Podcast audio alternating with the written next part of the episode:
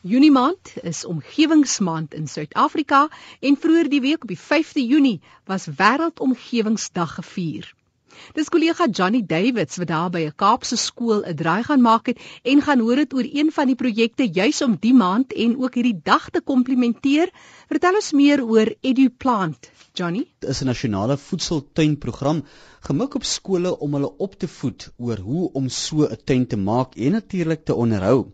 EduPlant het ook verskeie skole besoek gedurende die nasionale omgewingsweek met hul Watch Our Garden Grow projek.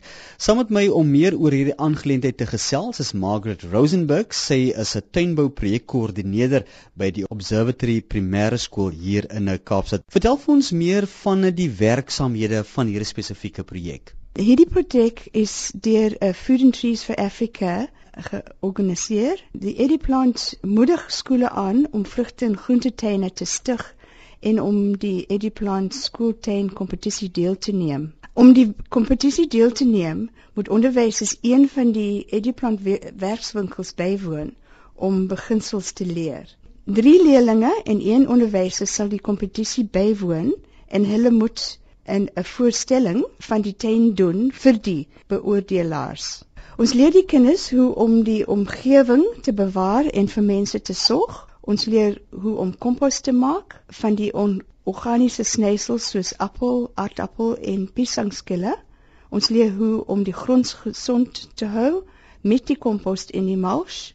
En mulch is, is die gesnyde gras, blare en papiere wat ons op die grond neersit rondom die plante om die grond nat te hou. Hoekom is die bewaring van ons omgewing so 'n belangrike aspek?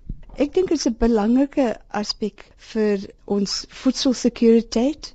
Ons moet ook ook sorg dat die leerders bewus is van water en energie bespaar en ons moet ook sorg dat ons nie ons omgewing besoedel nie. Hoe maak 'n mens nou eintlik 'n ekovriendelike en organiese tuin?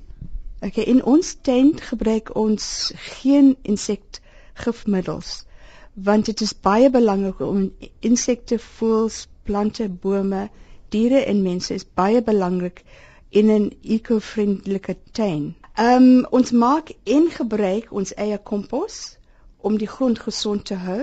Ons bespaar die reënwater wat van die dak af kom in tanke om in die tuin te gebruik. Ons versamel glas, plastiek papier vir herwinning en om die omgewing te bewaar. Ons gebruik die mulch en kompos om seker te maak dat die grond nat sal bly. Margaret, wat is die voordele van so 'n tuin? Die belangrike voordele van so 'n tuin is te leer hoe om vir mense en vir die omgewing te sorg.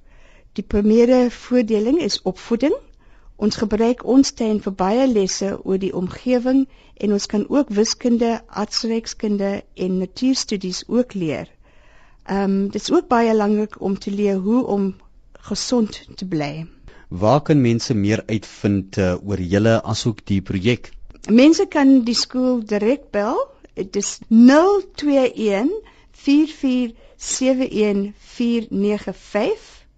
en ehm um, vir Hazelbell by Food and Trees for Africa 011 6569802.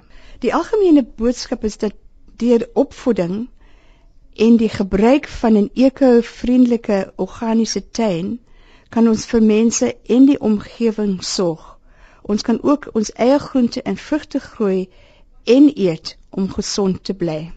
Ek moedig skole aan om voor die 20ste Junie hulle aansoekvorms in te handig by die Food and Trees for Africa. Bel vir Hazel op 011 656 9802. Margaret Rosenburg, 'n steenbou projekkoördineerder by die Observatory Primêre Skool in Kaapstad, kollega Johnny Davids het met haar gaan gesels.